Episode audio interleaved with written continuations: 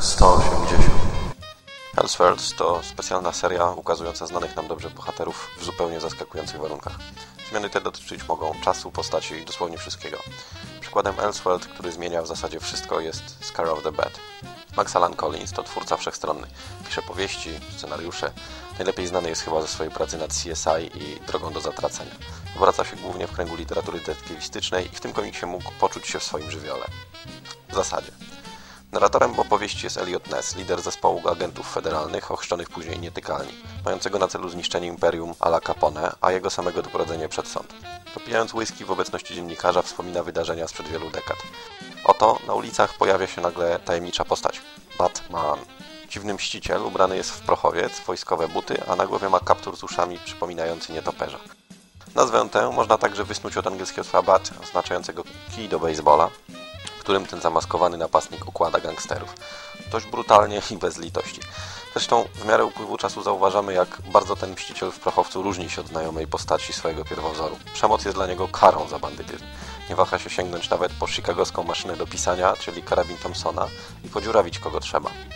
Jest to dosyć zręczna intryga, bo alterego samego Nessa zostaje wplecione w prawdziwe wydarzenia z działalności nietykalnych w sposób zgrabny i przyjemny. Komiks czyta się dobrze, chociaż osobiście od scenariusza pełnego akcji wolałbym, no właśnie, trochę więcej akcji. Momentami wszystkiemu udziela się ta zwalniająca narracja podpitego faceta, wspominającego dawne dzieje. Z drugiej strony bijatyki na kije, kule śmigające w powietrzu, czego ja bym niby jeszcze chciał. Eduardo Barretto jest polskiemu czytelnikowi znany słabo, a szkoda. Pojawił się m.in. w miesięczniku TM Semik w historii wideo Przemoc. I tam nie zrobił na mnie tak dużego wrażenia, a tutaj owszem. Komiks ma oprawę graficzną nadzwyczaj przyjemną dla oka. Inteligentne kadrowanie prowadzi czytelnika przez mandry scenariusza. Kreska Barretto jest bardzo przyjemna, wysoce realistyczna, dokładna, bardzo czytelna i czysta. Ale to nie ona zwraca uwagę w Scar of the Bed, tylko kolorowanie.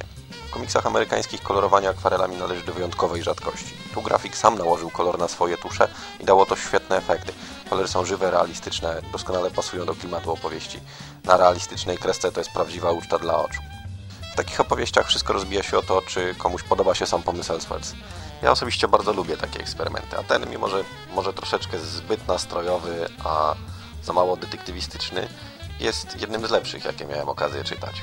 Zarówno pod względem scenariusza, jak i tej niezwykłej oprawy graficznej. Także myślę, że mogę spokojnie polecić go każdemu miłośnikowi Elseworlds.